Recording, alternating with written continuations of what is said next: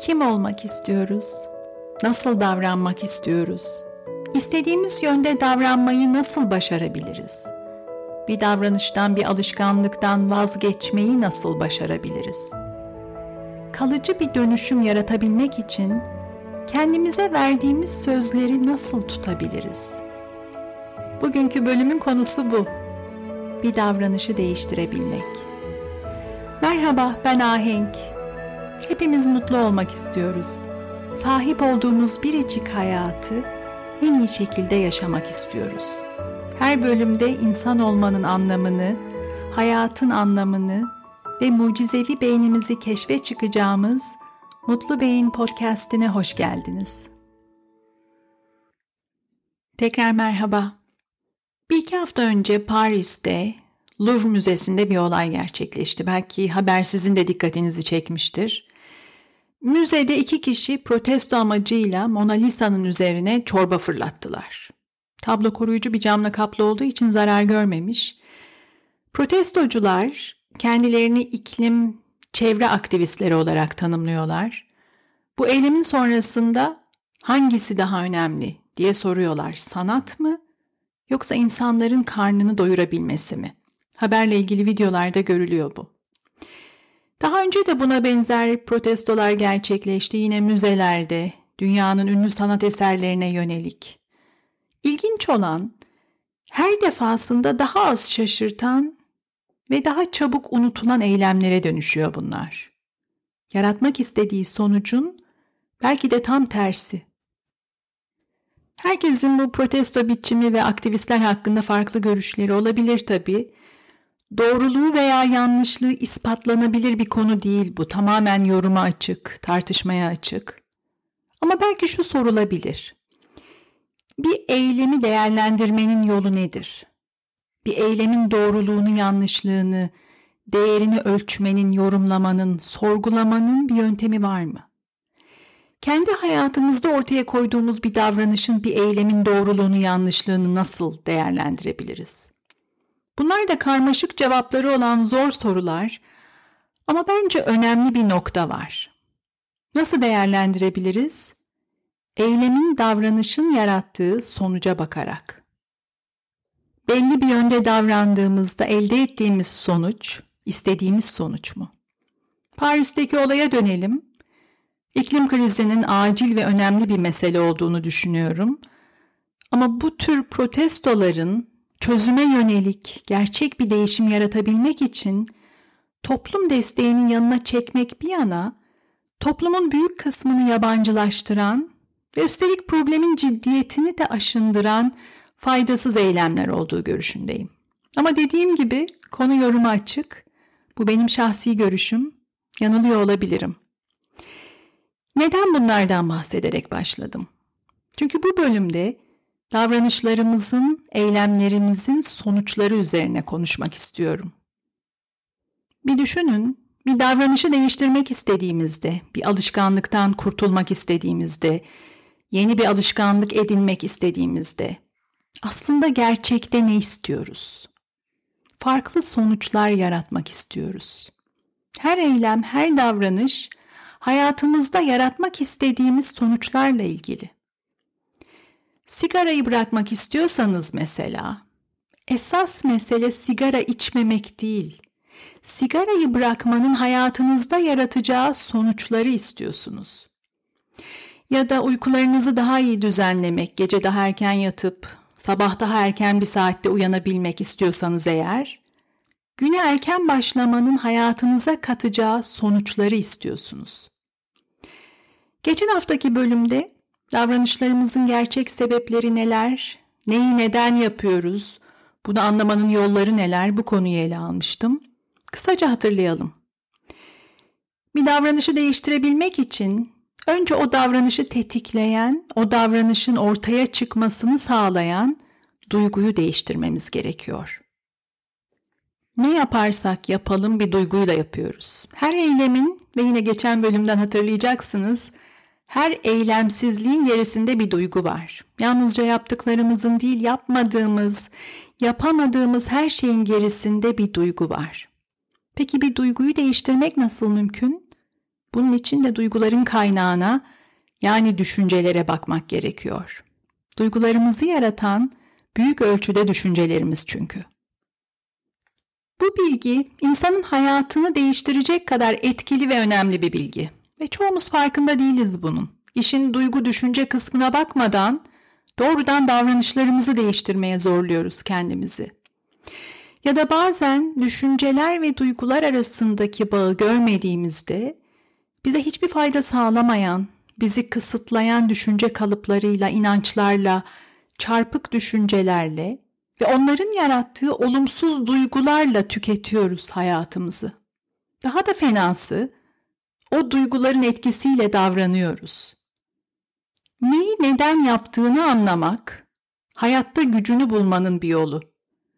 Çünkü bir düşünün, doğru bulduğunuz, arzu ettiğiniz, istediğiniz yönde davranabilme gücü bu. Olmak istediğiniz insan olabilme gücü. Bundan daha önemli bir şey var mı? Bu yüzden bütün bu podcast'ten, Mutlu Beyin podcast'inin size ifade ettiği her şeyden tek bir şey kalacaksa eğer bu bilgi olmalı diye düşünüyorum. İstediğimiz yönde davranabilmenin sırrı o davranışı ortaya çıkaracak duyguyu, dolayısıyla o duyguyu yaratacak doğru düşünceyi bulmak. Gelin eylemlerin, davranışların neden bu kadar önemli olduğuna daha yakından bakalım. Yaptıklarımız, yapmadıklarımız, davranışlar, eylemler, eylemsizlikler bir boşlukta belirip sonra iz bırakmadan kaybolan şeyler değil. Her davranış, her eylem bir takım sonuçlar yaratıyor. Bir şey yapıyoruz ve bir geriş ve bir pardon bir geri dönüş yaratıyor yaptığımız şey. Bir sonuç alıyoruz. Ya da yapmıyoruz, başlamıyoruz, erteliyoruz mesela. O ertelemenin sonuçları oluyor hayatımızda. Hayatımızda elde ettiğimiz sonuçları davranışlar ve eylemlerle yaratıyoruz. Hayatımızda değiştirmek istediğimiz, iyileştirmek istediğimiz öyle şeyler oluyor ki bazen hepimiz için geçerli bu. Ne yaparsak yapalım çabalarımız sonuçsuz kalıyor. Olmuyor bir türlü. Bir amaç belirliyoruz. Defalarca başlıyoruz, defalarca deniyoruz. Başaramıyoruz. Bazen kendimizi zorlayarak irade gücüyle ilerlemeye çalışarak, bazen çevremizi, başka insanları yönetmeye çalışarak, istediğimiz şekilde davranmaları için ikna etmeye, idare etmeye uğraşarak bir takım sonuçlar yaratmak istiyoruz hayatımızda. Ama çoğu zaman işe yaramıyor. Ve bu başarısızlıklar, hayal kırıklıkları, zaman içinde nereye gidersek gidelim taşımaya devam ettiğimiz kronik mutsuzluklara dönüşüyor. Bunu aşmanın yolu eylemlerimizi, davranışlarımızı şekillendiren düşünce ve duygu mekanizmasını tanımak. Duygularımızın ve düşüncelerimizin köklerine inerek yaptığımız, yapmadığımız her şeyin gerisindeki itici güçleri görebilmek. Neyi neden yaptığımızı ya da bir türlü yapamadığımızı anlamak.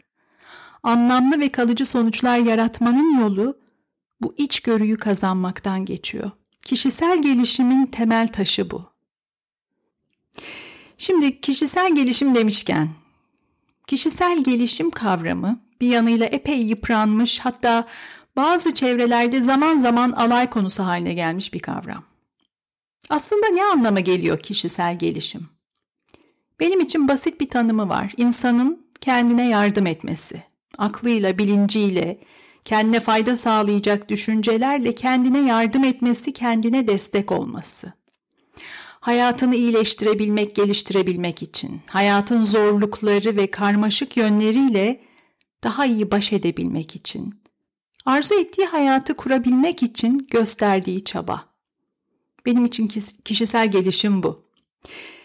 Bir yanıyla yıpranmış, küçümsenen bir kavram dedim az önce. Aslında bunun da haklı sebepleri olduğunu düşünüyorum. Hatta kendi açımdan şunu söyleyebilirim kişisel gelişim diye pazarlanan birçok kitabın, kursun vesairenin saçmalık olduğunu düşünüyorum. Kendini yaşam koçu veya kişisel gelişim uzmanı diye tanımlayan birçok kişinin sözlerine kulak verdiğimde anlam bulmakta, ciddiye almakta zorlanıyorum. Bazılarınız gibi ben de gülüyorum, sığ ve saçma geliyor. Ama şunu da eklemeliyim. Rahatlıkla kişisel gelişim türüne dahil edilebilecek Çok değerli, çok faydalı, çok akıllı kitaplar okudum. Saygı duyduğum ve ilgiyle takip ettiğim kişisel gelişim uzmanları var.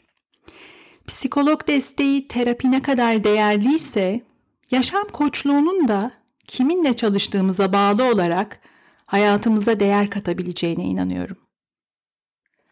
Çünkü kendi hayatımda birebir tecrübe ettim bunu. Hatta o kadar faydasını gördüm ki bu çabayı, bu kendini öğrenme çabasını derinleştirmek ve daha üst seviyeye çıkarabilmek için tamamen kendi kişisel gelişim hedeflerim için geçen yıl yaşam koçluğu sertifikası aldım. Merkezi Amerika'da bulunan bir okulla çalıştım bir yıl boyunca. Kendim için yaptığım, kendi mutluluğum için yaptığım en değerli yatırımlardan biri oldu. Yine kişisel gelişimin bir parçası olarak İngiltere'de bir okulla mindfulness eğitimini tamamladım birkaç sene önce. Şu sıralar başka bir çalışmanın içindeyim. Zamanı kullanmak, dikkat, verimlilik konularında bir öncü olduğuna inandığım bir yazar var. Cal Newport. Kitapları Türkçe'ye de çevrilmiş. Belki bazılarınız okumuşsunuzdur. Bir tanesi Pür Dikkat adıyla çevrilmiş. Diğeri Dijital Minimalizm. Şu sıralar Cal Newport'un verdiği bir eğitim programındayım. Yaşadığımız bu kalabalık ve gürültülü dijital çağın koşullarında dikkat kavramının, dikkate odaklayabilmenin en öncelikli meselelerden biri olduğuna inanıyorum. Kısacası kişisel gelişim benim için önemli ve değerli bir kavram. Hatta şunu da eklemek istiyorum unutmadan. Kişisel gelişimin ele aldığı birçok konu insanlık tarihi boyunca felsefenin işlediği konulardan çok farklı değil. Kim söylemişti hatırlamıyorum ama bir kadın yazar çok güzel ifade etmişti bunu. Erkekler yapınca adı felsefe oluyor, kadınlar yapınca kişisel gelişim. Evet, nereden gelmiştik kişisel gelişim meselesine?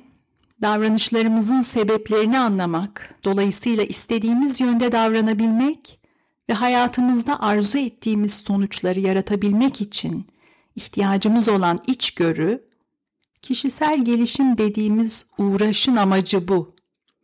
Şimdi gelelim işin özüne. Kim olmak istiyoruz? Nasıl davranmak istiyoruz? İstediğimiz yönde davranmayı nasıl başarabiliriz? Bir davranıştan vazgeçmeyi nasıl başarabiliriz? Bunu sorgulamanın bir yolu amaçlar üzerinden düşünmek. Bir amacınız var. O amaç hayatınızda yaratmak istediğiniz bir sonuç. Ve o sonucu elde edebilmek için Amaca ulaşabilmek için belli bir yönde davranmanız gerekiyor. O amaca yönelik davranışlar, eylemler ortaya koyabilmeniz gerekiyor. Neden yapamıyorsunuz? Kilo vermek istiyorsunuz ama gereğinden fazla yemeye devam ediyorsunuz. Yaptığınız iş sizi tatmin etmiyor ama yeni bir iş de aramıyorsunuz. Evin dağınıklığı sizi her gün mutsuz ediyor ama bir türlü kalkıp toparlayamıyorsunuz. Size engel olan ne? Neden bu kadar zor? Bir amacınız var dedim. Peki bir amaca ulaşmak ne demek? Bir amaca ulaşabilmenin yolu nedir? Farklı tanımları olabilir bunun. Benim açımdan çok basit bir tanımı var. Bir amaca ulaşabilmenin yolu kendine verdiğin sözü tutmaktır. Bir karar vermek ve o kararı uygulamak. Yapacağım dediğin şeyi yapmak. Kendine verdiğin sözü tutmak, kendi sözüne saygı duymak. Ama zor değil mi? Benim için de zor, çoğumuz için zor. Zor olan söz verme kısmı değil, yapacağım, bitireceğim, halledeceğim, yarın başlayacağım. Kararlar alıyoruz, sözler veriyoruz. Zor kısmı uygulamak, kararı eyleme dönüştürmek. Oysa her seçimle, her kararla yaptığımız yapmadığımız her şeyle birlikte hayatımızı şekillendiriyoruz. Neden yapamıyorum, neden başaramıyorum sorusunu kendimizi küçümseyerek, suçlayarak, utandırmaya çalışarak cevaplamaya çalışıyoruz bazen. Çünkü tembelim, iradesizim, disiplinsizim, tutarsızım. Ve bu faydasız cevaplar bizi hiçbir yere götürmüyor. Aksine kendimizle olan ilişkiye hasar verdiği için istediğimiz sonucu yaratma ihtimalimiz azalıyor. Gücümüzü azaltıyoruz. suçladığın, aşağıladığın, güvenmediğin birinden iyi bir performans bekler misin? Peki neden amacımıza yönelik davranmıyoruz? Gelin farklı bir bakış açısıyla bulmaya çalışalım cevabı. Demin verdiğim örneklerden birini ele alalım. İşinizde mutlu değilsiniz. Uzun zamandır mutsuz ve tatminsiz hissediyorsunuz iş hayatında kendinizi. Zaman zaman yeni bir iş arayacağım, yeni bir iş bulacağım diye kısa süreli heyecanlar ve motivasyon duyuyorsunuz ama eyleme dönüşmeden sönüp gidiyor bu duygular. Neden? Çünkü bir seçim yapıyorsunuz. Önünüzde iki seçenek var. Bir tanesi yeni bir iş bulmak üzere harekete geçmek. Diğeri hali hazırdaki işinizde devam etmek. Yeni bir iş bulacağım kararını uygulamanıza engel olan, bu karara sadık kalmanıza engel olan, şimdi yaptığınız işe duyduğunuz sadakat. Mevcut işinize, o işin tanıdık bildik konforuna, mutsuzluğa rağmen size sağladıklarına duyduğunuz bağlılık. Ulaşmak istediğiniz amacın karşısında mevcut işinizin bir seçenek olarak halen güçlü olması. İşte sorgulanması gereken tam da bu. Neden böyle? Bunu daha net olarak çözümleyebilmek için size birkaç soruluk bir egzersiz önereceğim. Bu sorularla iki seçeneği değerlendireceğiz. Birincisi A seçeneği olsun, ulaşmak istediğiniz amaç. Diğeri B seçeneği. Yani amaca yönelik davranmak yerine yaptıklarınız. A seçeneği yeni bir iş bulmak, B seçeneği mevcut işte devam etmek. A seçeneği fiziksel egzersizle güçlenmek, B seçeneği hareketsiz kalmak, masa başında kanepede geçen hareketsiz hayata olduğu gibi devam etmek. A seçeneği sigarayı bırakmak, B seçeneği her yemekten sonra çayla, kahveyle, içkiyle bir sigara yakmak. Önce ilk adımda ulaşmak istediğiniz bir amaç seçin. Bir amacınız var ama henüz o yönde harekete geçmiş değilsiniz. Tam anlamıyla bağlı değilsiniz o hedefe, o amaca. Onun yerine ne yapıyorsunuz? B seçeneğiniz ne? İkinci adımda bu seçeneği tanımlayın. Gelelim üçüncü adıma, üçüncü soruya. B seçeneğinin erişmek istediğiniz amacın karşısında duran seçeneğin size cazip gelen yönü nedir? Neden sizi tatmin etmeyen bir işte kalmaya devam ediyorsunuz? Neden sizi mutsuz eden bir ilişkiyi sürdürüyorsunuz? Hayatınızda yarattığı sonuçlardan memnun olmadığınız alışkanlıklara niçin devam ediyorsunuz? Neden hala sigara içiyorsunuz? Neden ihtiyacınız olandan çok daha fazla yemeye devam ediyorsunuz? Bu seçeneklerin cazip yönleri neler? Konfor mu, risksiz oluşu mu, anlık keyifler, tanıdık bildik olması mı, sorumluluktan kaçmaya olanak sağlaması mı? Çünkü bu davranışlara devam ettiğinize göre olumsuzluklarına rağmen cazip gelen yönleri var. Nedir bunlar? Tüm bunları dürüstçe tanımlamak çok önemli. Hiçbir kötü alışkanlık her şeyiyle kötü değil. Sağladığı bir fayda var. Bir ihtiyacınızı karşılıyor. Nedir bu? İşte bunu tespit etmeden davranışı değiştirmek çok zor. Bununla bağlantılı bir başka soru, dördüncü soru. B seçeneği hangi duygulardan kaçınmanıza yardımcı oluyor? Sizi hangi duygulardan uzak tutuyor B seçeneği? Ne hissetmemek için fazladan yiyorum? Hangi duygulardan kaçındığım için yeni bir iş aramıyorum?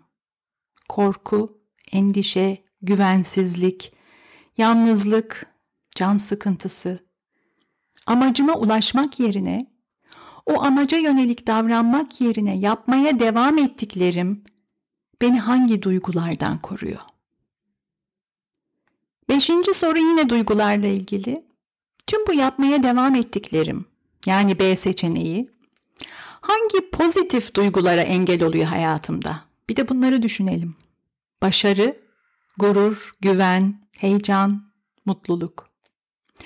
Altıncı soru, B seçeneğini seçmeye devam ettiğim sürece nasıl biri olacağım? Kim olacağım hayatta? Beni mutlu etmeyen bu işte kalırsam kim olacağım hayatta? Beni tatmin etmeyen, mutsuz eden bu ilişkiye devam edersem nasıl birine dönüşeceğim? Fazla kilolarla yaşamayı seçersem, sigara içen biri olmayı seçersem kim olacağım? Ve son soru. Esas amacımı seçebilmek için hayatımda yaratmak istediğim sonuca yönelik, A seçeneğine yönelik harekete geçebilmek için, arzu ettiğim yönde davranabilmek için nelerden vazgeçmem gerekiyor? Hangi duygulardan, hangi faydasız konforlardan, hangi düşüncelerden?